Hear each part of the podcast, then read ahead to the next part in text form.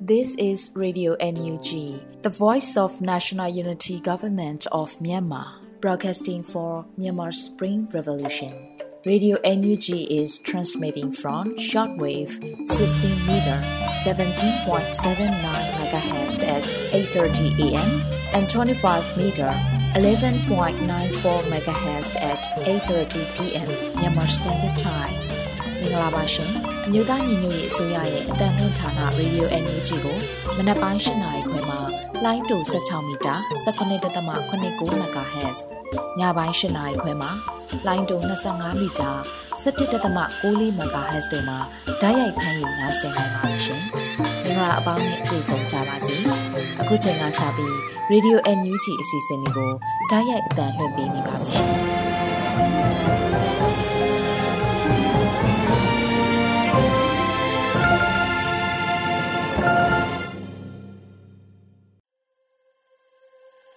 မင်္ဂလာမနက်ခင်ပါခင်ဗျာရေဒီယိုအန်ယူဂျီတောတာရှင်များနဲ့တကွာတော်လန်ပြည်သူပြည်သားပေါင်းဘေးဘေရာဝေးကွာလို့ကိုရောစိတ်ပါကြမ်းမာကြပါစီဒီကနေ့ရေဒီယိုအန်ယူဂျီရဲ့ဖေဖော်ဝါရီလ9ရက်နေ့မနေ့ပိုင်းအတန်လွင့်စီစဉ်များကိုစတင်တော့မှာဖြစ်ပါတယ်ကျွန်တော်ကတော့လွတ်လပ်နေပါခင်ဗျာဥဆုံးအနေနဲ့နားဆင်ရမယ့်အစီအစဉ်ကတော့ရေဒီယိုအန်ယူဂျီစက်ရည်သတင်းကောက်နှုတ်ချက်များပဲဖြစ်ပါတယ်ຫນွေဦးနိုင်ကတင်ပြထားပါတယ်ခင်ဗျာ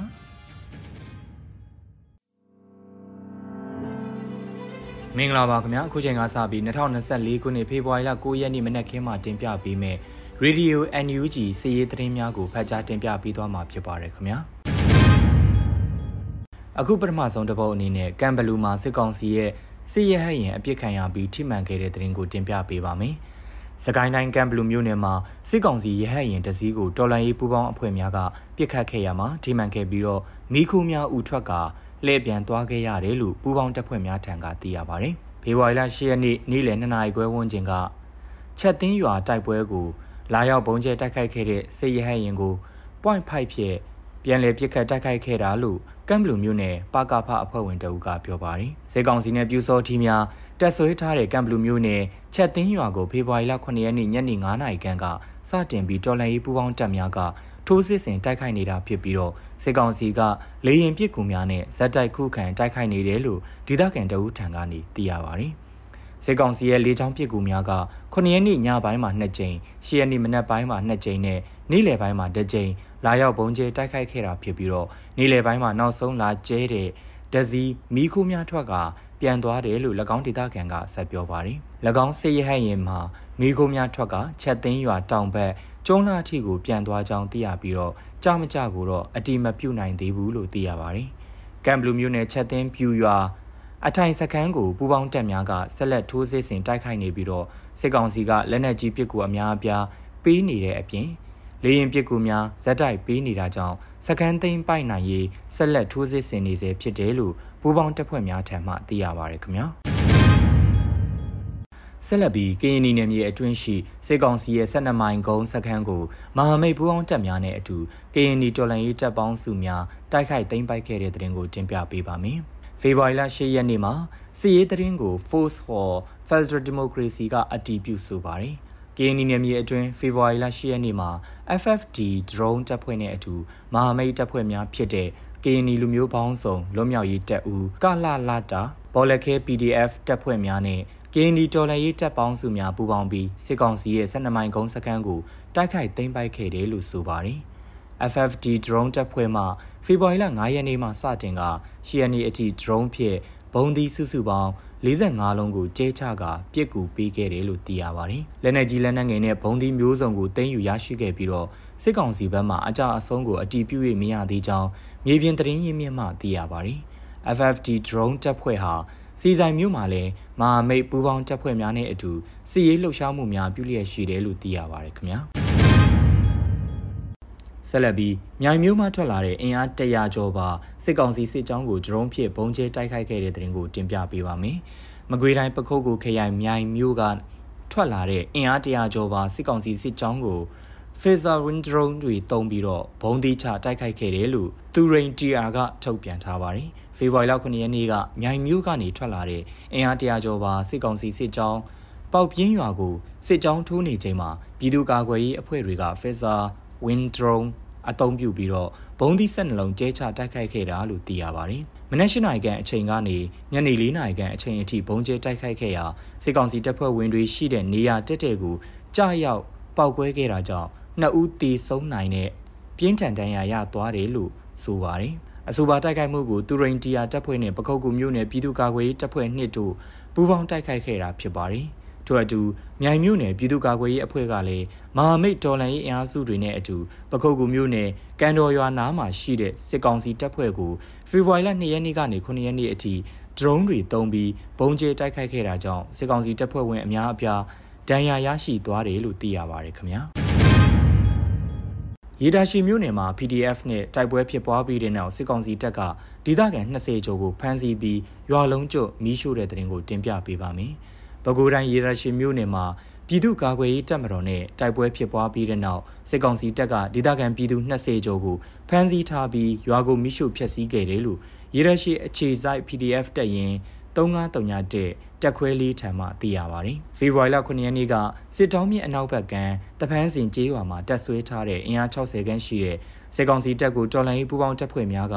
နေ့လယ်7:00နာရီခွဲကျော်မှာတစ်ကြိမ်ည 7:00နာရီခွဲဝန်းကျင်မှာတစ်ကြိမ်စနိုက်ပါ40မမတို့ဖြင့်ပြစ်ခတ်တိုက်ခိုက်ခဲ့ရမှတိုက်ပွဲဖြစ်ပွားခဲ့ကြတာလို့ဆိုပါတယ်။တိုက်ပွဲအတွင်းစစ်ကောင်စီတပ်ဖက်မှထိခိုက်ဒေဆုံးမှုများရှိခဲ့ပြီးတော့အထိနာသွားတာကြောင့်မြေအရှိဘက်ကမ်းမှာရှိတဲ့တိုက်ပွဲဖြစ်ပွားခြင်းမရှိတဲ့ကြေးရွာများကိုလက်နက်ကြီးများဖြင့်ပစ်ခတ်ခဲ့ကတပန်းစင်ရွာအားရွာလုံးကျွတ်မီးရှို့ခဲ့ပြီးတော့ဒေသခံ20ကျော်ကိုလူသားတိုင်းအဖြစ်ဖမ်းဆီးထားတယ်လို့သိရပါတယ်။ စူပါတိုက်ခိုက်မှုကိုပြည်သူ့ကာကွယ်ရေးတပ်မတော်တပ်ရင်း3931တက်ခွဲလေးနေပြည်တော် PDF ပဝါနီစစ်ကြောင်းနဲ့ကီးကူစစ်ကြောင်းတို့ပူးပေါင်းတိုက်ခိုက်ခဲ့တာဖြစ်တယ်လို့သိရပါတယ်။လက်ရှိအချိန်ထိနှစ်ဖက်တပ်များဆက်လက်စစ်ဆိုင်ထားဆဲဖြစ်နေတဲ့အတွက်ကြောင့်ဒေသခံများအနေနဲ့စစ်ကောင်စီတပ်သားများနဲ့နှီးစက်ရနေရာများကိုတွာလာနေထိုင်ခြင်းမပြုလုပ်ကြဘူး PDF တပ်ပူးပေါင်းအဖွဲ့များကမြေတားရက်ခံထားပါတယ်ခင်ဗျာ။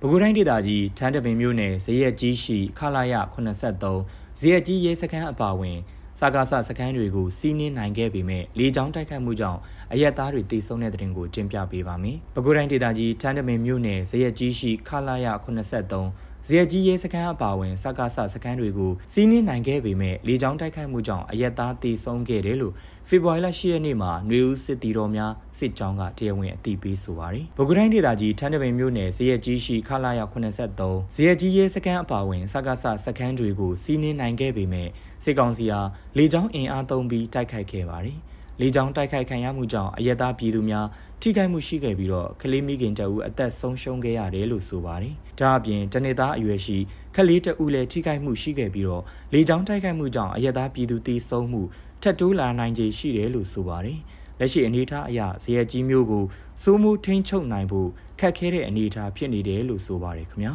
။အခုတင်ပြခဲ့တဲ့စည်ရေးသတင်းတွေကိုတော့ Radio NUG သတင်းတောက်မင်းတီဟန်ကိုခန့်နဲ့မင်းစစ်သွေးတို့က ပေးပို့ထားတာဖြစ်ပါတယ်ခင်ဗျာ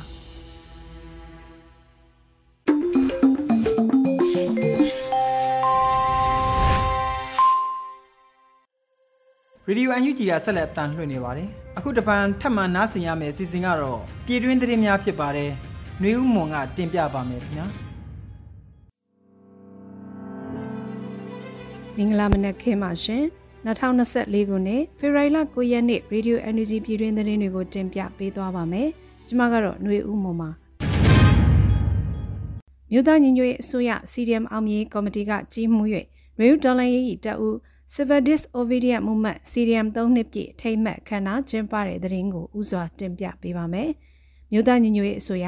CDM အောင်မြေကော်မတီကကြီးမှုကျင်းပတဲ့ရေယူဒေါ်လာရေးတပ်ဦး Civil Disobedience Movement CDM 3နှစ်ပြည့်ထိမ့်မှတ်ခမ်းနားကိုဖေဖော်ဝါရီလ10ရက်မှာ CDM များနဲ့အတူတော်လင်းရဲဘော်ရဲဘက်များပူးပေါင်းပါဝင်ကျင်းပခဲ့ပါတယ်။ခမ်းနားသို့ယာယီသမရဒူဝါလက်ရှိလာနဲ့ပြည်ထောင်စုဝန်ကြီးချုပ်မန်ဝင်းခိုင်တန်းတို့ပါဝင်ပြည်ထောင်စုဝန်ကြီးများဒုတိယဝန်ကြီးများတက်ရောက်မှာစကားပြောကြားခဲ့ပါတယ်။ခမ်းနားမှာယာယီသမရကပြောကြားရမှာမြေအုပ်တို့နေရာမှာကြောက်အုပ်တို့နဲ့အစားထိုးတဲ့ကဲ့သို့ကျွန်တော်တို့ဟာစနေဟောင်းကဇယိုက်ဆိုးညင်စုံတွေကိုခွာချပြီး လူဖွဲ့စည်းသစ်ကိုဦးဆောင်ကြရမှာဖြစ်ပါတယ်။အဲ့ဒီလိုဝိုင်းဝန်းတိဆောက်တဲ့နေရာမှာဆီယနာရှင်စနစ်ကိုပြန်လဲထောက်ကန်ပေးမဲ့ယူဝါဒတွေကိုတခါတည်းတုတ်တင်ရှင်းလင်းခဲ့ဖို့လိုပါတယ်။ဂျမဖက်အာနာဖီဆန်ရဲ့အနှစ်သာရဟာမတရားမှုကိုညှင်းပယ်ခြင်းနဲ့ဖိနှိပ်မှုကိုအားပေးထောက်ခံမှုမပြုခြင်းဆိုတဲ့အနှစ်သာရတွေကိုကိုစားပြုတယ်လို့ယူဆပါတယ်။ဒါကြောင့်ကျွန်တော်တို့အနာဂတ်သစ်အတွက်တည်ဆောက်မဲ့ Federal Democracy တိုင်းပြည်သစ်မှာကျွန်တော်တို့အနေနဲ့အာဏာရှင်စနစ်ကိုပြန်လည်မွေးဖွားစေရမယ်။ တွေးခေါ်တွေကိုအပိသက်ခြုံငိမ့်စေဖို့အထူးလိုအပ်ပါတယ်လို့ဆိုပါတယ်။ဒါအပြင်အနာဂတ်သစ်အတွက်တည်ဆောက်မဲ့ Federal Democracy တိုင်းပြည်သစ်အတွက်စီရီယမ်လှုပ်ရှားမှုမှာခွန်ပြည့်အားပြည့်ပါဝင်တဲ့ပြည်သူဝန်ထမ်းကောင်းတွေကိုအထူးလိုအပ်နေတယ်လို့ယာယီသမရကဆိုပါတယ်။ဆက်လက်ပြီးပြည်ထောင်စုဝန်ကြီးချုပ်မန်ဝင်းခိုင်တန်းကပြောကြားရမှာစီရီယမ်နိုင်ငံဝန်ထမ်းတွေဟာပြည်သူ့နေဦးဒေါ်လာရဲ့အဓိကတောက်တိုင်ကြီးတစ်ခုဖြစ်တာနဲ့အညီနိုင်ငံပြန်လည်တည်ဆောက်ရေးမှာလည်းကြီးမားတဲ့မောင်းနှင်အားဖြစ်လာမှာဖြစ်တဲ့အတွက်ဖက်ဒရယ်အစိုးရဖက်ဒရယ်ယူနစ်အစိုးရတွေနဲ့အတူ တာဝန်တွေပြန်လည်ထမ်းဆောင်နိုင်ရေးအတွက်လည်းပြင်ဆင်ထားကြရမှာဖြစ်ပါတယ်လို့ဆိုပါတယ်။အဲဒီနောက်မြမတမ်းမအစည်းအဝေးတင်ဆက်သူကိုကျော်တလင်တရုတ်ဆောင်ဖိုင်ဖြိုးသူတရုတ်ဆောင်ချစ်သူဝေဆိုတော်လင်းလင်းဆိုတော်တူတူဆိုတော်ဖြူဖြူကျော်သိန်းဒေါက်တာဖြိုးတီဟာတို့မှစီတီမွန်းနှမ်းများကိုစိတ်ခွန်အားပေးပြောကြားခဲ့ကြပါတယ်ရှင်။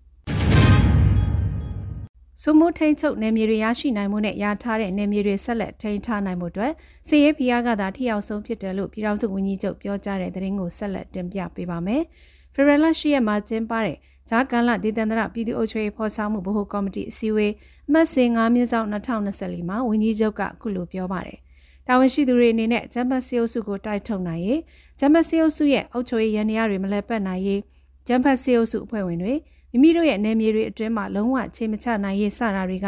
အရေးတကြီးပထမဦးစားပေးလုပ်ငန်းတွေဖြစ်မြေပြင်တော်လိုင်းအဖွဲ့တွေကြားမှာနားလည်မှုရှိနေကြဖို့ကအင်မတန်ကိုအရေးကြီးပါကြောင်းဒီအခြေခံစိတ်တွေမတူညီရဲ့လှုပ်လှုပ်တဲ့နေရာမှာကွဲပြားမှုတွေဖြစ်လာနိုင်မှာကြောင်း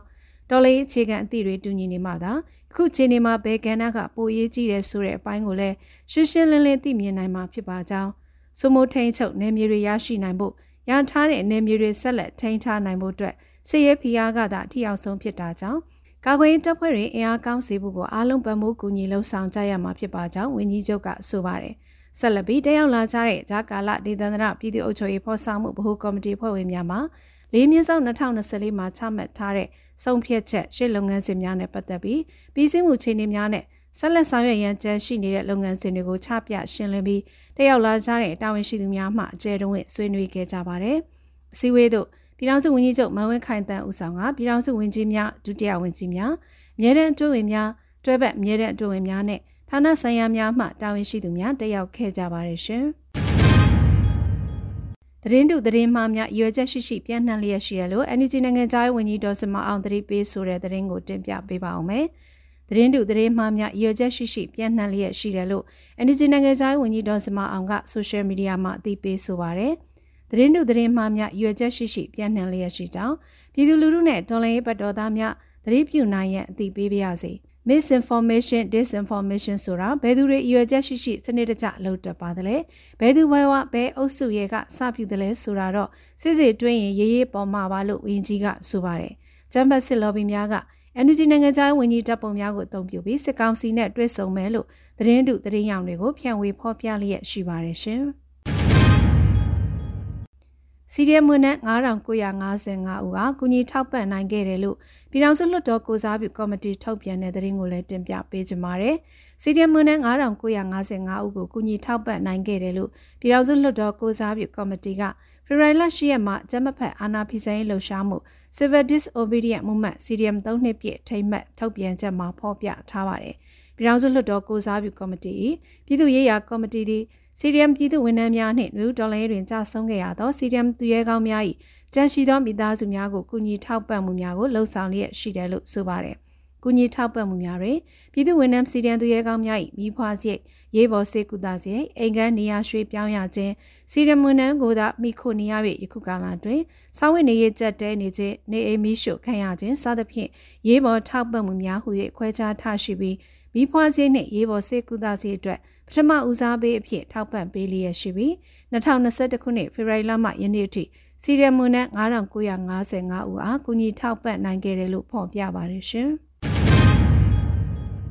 ဂျပန်စီအုပ်စုရဲ့လက်ထဲကိုလေရင်စီပို့တာကိုဝိုင်းဝန်းလက်တွဲတားဆီးကြဖို့နိုင်ငံတကာကိုတောင်းဆိုထားတဲ့သတင်းကိုလည်းတင်ပြပေးပါမယ်။ဖေဖော်ဝါရီလ10ရက်မှာကျင်းပတဲ့ဒီမော့ဆိုမြို့နယ်စာတင်ကျောင်းများပြစ်မှတ်ထားတိုက်ခိုက်ခံရမှုပူရဲသတင်းစာရှင်းလင်းပွဲဒိုင်းရိုက်ထုတ်လွှင့်မှုအစီအစဉ်မှာ လူခွေရေးဆိုင်ရာဝန်ကြီးဦးအောင်မျိုးမင်းကအခုလိုပြောပါရယ်လေးစီကိစ္စကကျွန်တော်တို့တောင်းနေတာတော်တော်ကြာနေပါပြီတချို့ဥရောပသမဂ္ဂလိုနိုင်ငံမျိုးကိုရီးယားလိုနိုင်ငံမျိုးတော်တော်များများကိုကျွန်တော်တို့တောင်းဆိုပါတယ်ဒါပေမဲ့ယူပေါက်တွေရှိနေတော့မယ်တချို့နိုင်ငံတွေကဒီကဘာလုံးနေနဲ့မလုပ်ဖဲနဲ့ပိတ်တဲ့သူကပိတ်ပို့ပေးတဲ့သူကပို့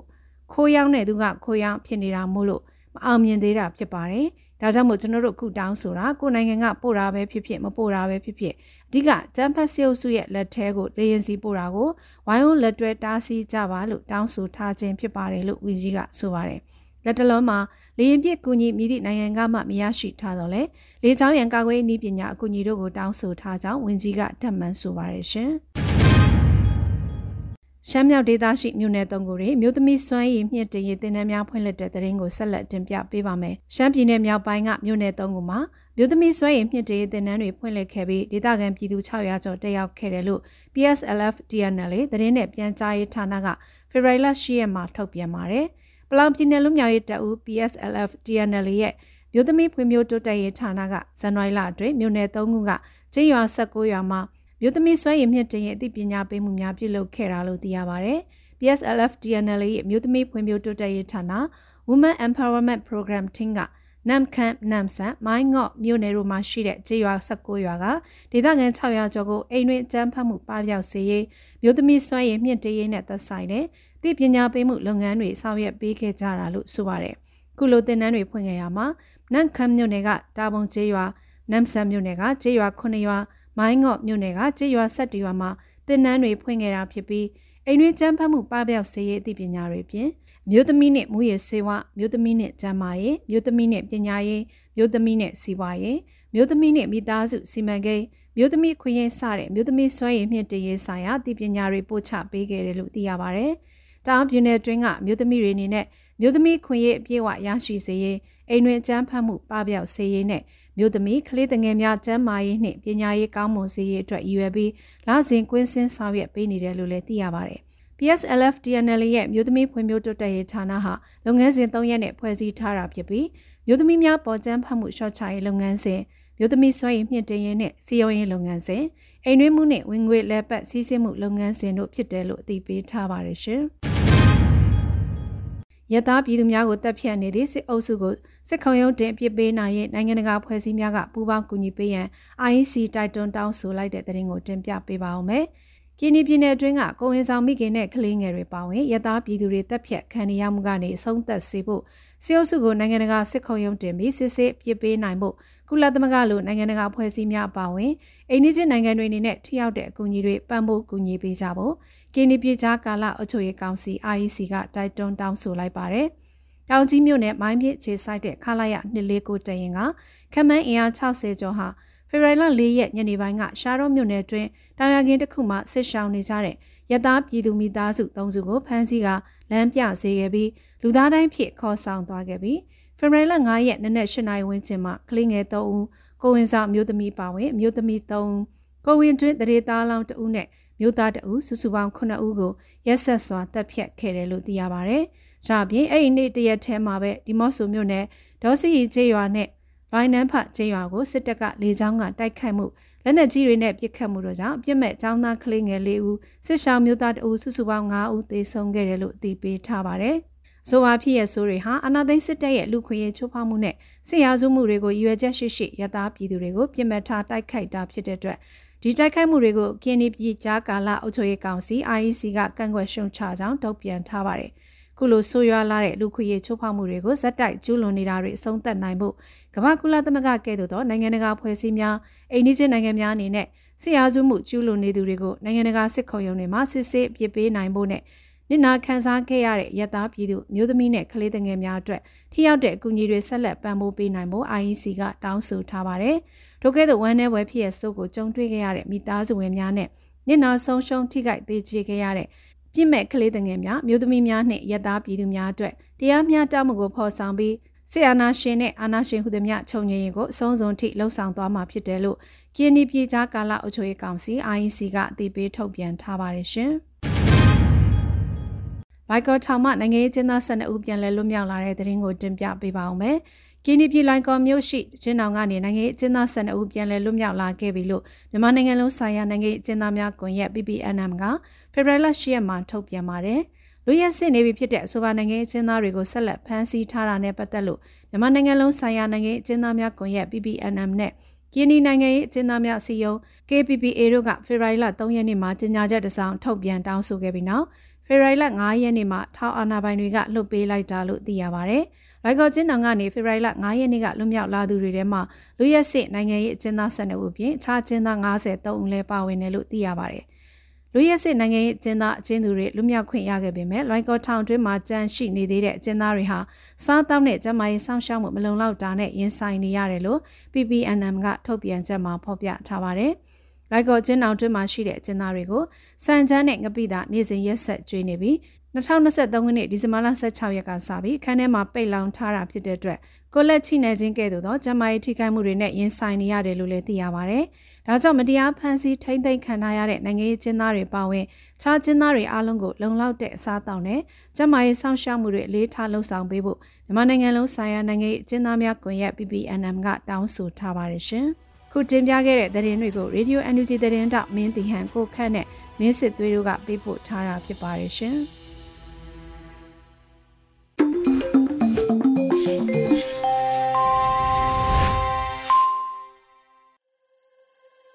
အမျိုးသားညွရေးဆိုရဆက်သွယ်ရေးတည်င်းချက်လက်နဲ့ဤပညာဝန်ကြီးဌာနရေဒီယိုအန်ယူဂျီရဲ့မနက်ပိုင်းအတန်လွင့်အစီအစဉ်ကိုနားဆင်နေရတာဖြစ်ပါတယ်။အခုတခါလှည့်ကြတဲ့အစီအစဉ်ကတော့ဆောင်းပါးအစီအစဉ်ဖြစ်ပါတယ်။နိုင်ငံရေးဩဇာမရှိတော့တဲ့စစ်ကောင်စီနဲ့လူမလေးခွေးမခန့်ဖြစ်နေတဲ့မင်းအောင်လိုင်းဆိုတဲ့အမည်ရဆောင်းပါးကိုတခင်အန်ကဖတ်ကြားတင်ပြထားပါတယ်ခင်ဗျာ။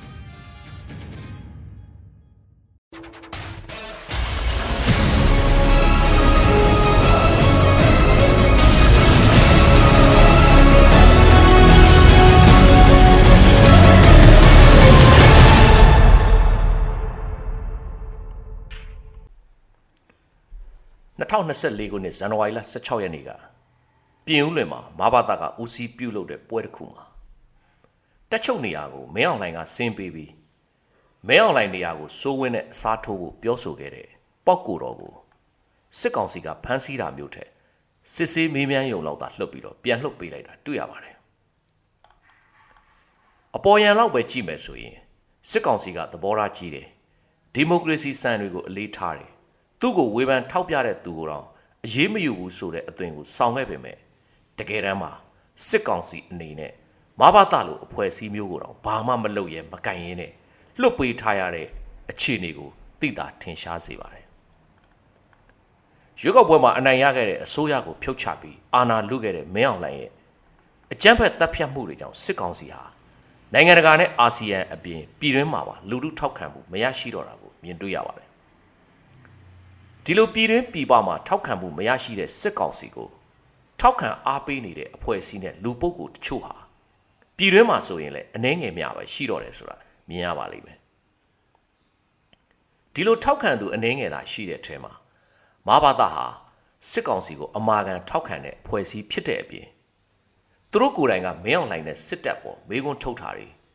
ဝေဖန်တိုက်ခိုက်တာတွေဖြစ်လာတဲ့အချိန်မှာတော့စစ်ကောင်စီဟာမဘာသာနဲ့ထိတ်တိုက်မတွေ့တော့ပဲ အလိမ်မာသုံးပြီးတော့ရှောင်ထွက်ခဲ့ပါတယ်ဒါဟာစစ်ကောင်စီနဲ့မင်းအောင်လှိုင်ကသဘောထားကြီးတာ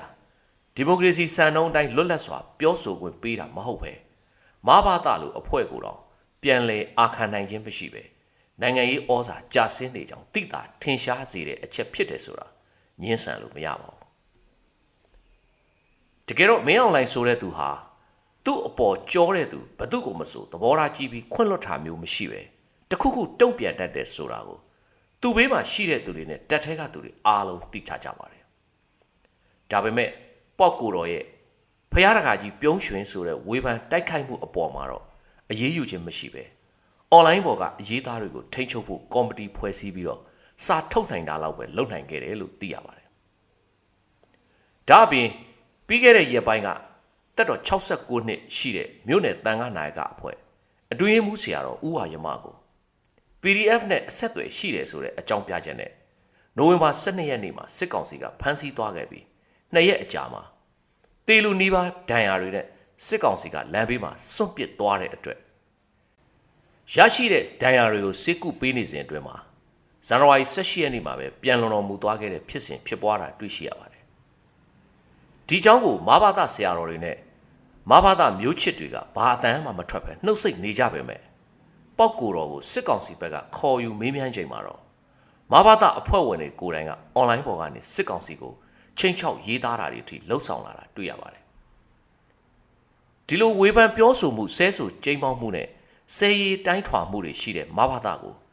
တစ်ဖက်မှာလည်းတိုက်ပွဲတိုင်းရှုံးပြီးလူလူထောက်ခံမှုကြာဆင်းနေတဲ့စစ်ကောင်စီကအလျှော်ပေးသီးခံနေရခြင်းဟာသူတို့ရဲ့နိုင်ငံရေးဩဇာကြာဆင်းမှုကိုမိမောင်းထိုးပြနေတယ်လို့ မဘာသာအဖွဲ့ဝင်တွေနဲ့တက်ထောက်ခံသူတွေကြားမှာလည်းမဲအောင်နိုင်ကိုအလိုမရှိတော့တာကိုထင်ထင်ရှားရှားတွေ့လာရပါတယ် PDF Insight မှာစောင်းပါကိုပြန်လည်တင်ဆက်ပေးလိုက်တာဖြစ်ပါတယ်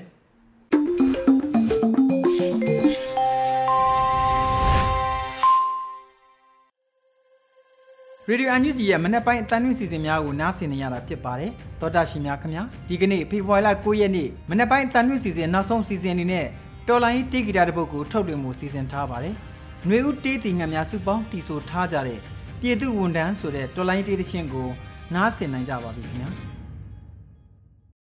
လမ်းငယ်လိုက်ငယ်ချင်းရင်ထဲမှာမဲလဲ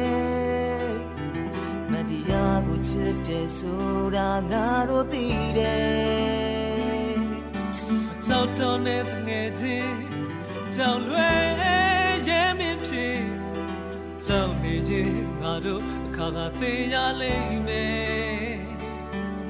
သူတို့ထောက်တာမတရားတဲ့ဥပဒေငါတို့လိုက်နာစရာမလိုဘူးလေအာရမတရားနဲ့ချက်ကိုင်မှုကိုငါတို့ညှင်းဆန်ရင်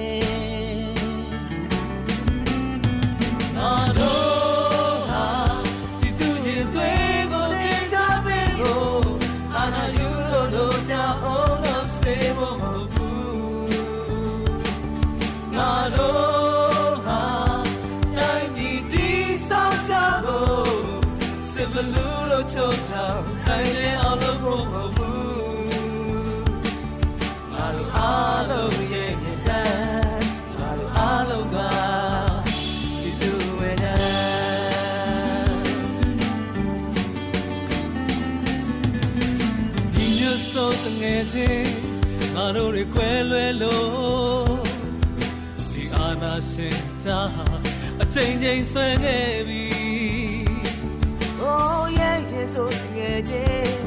ငါတို့အားလုံးဟာတိုင်းပြည်ရဲ့သူရဲ့ကောင်းစင်မှန်မှာသူတို့ထုတ်တာမတရားတဲ့ဥပဒေဒီစံဘောကတော့ဝေတရားလေ အာဓမတရားရဲ့ချုပ်ကိုင်မှုကိုငါတို့စန့်ကျင်ငါတို့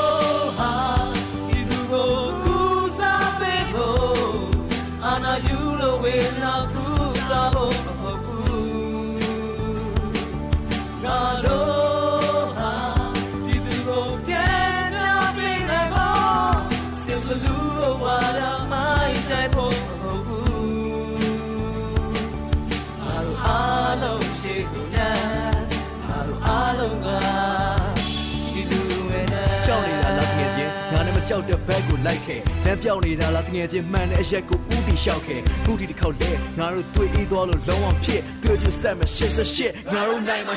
21အတန်လည်းတိတ်လမ်းလည်းလိတ်လည်းတီးစပင်းကအန်လည်းချိတ်မင်းစုံမင်းညပရင်တက်ဖြစ်ရင်ပိုကနေဆိုတော့ကမှန်စိတ်ကြီးစဲတဲ့မိကုန်ငွေတွေနဲ့နှစိုးတွေဝိုင်းပြီးရက်ပြီးလဲဒီຫນွေဥတော်လန်ရေးမှာပေးရပြအန်ကိုချိန်နေစေမဲချိတ်တီလဲမင်းမမင်းနေငါတို့အားလုံး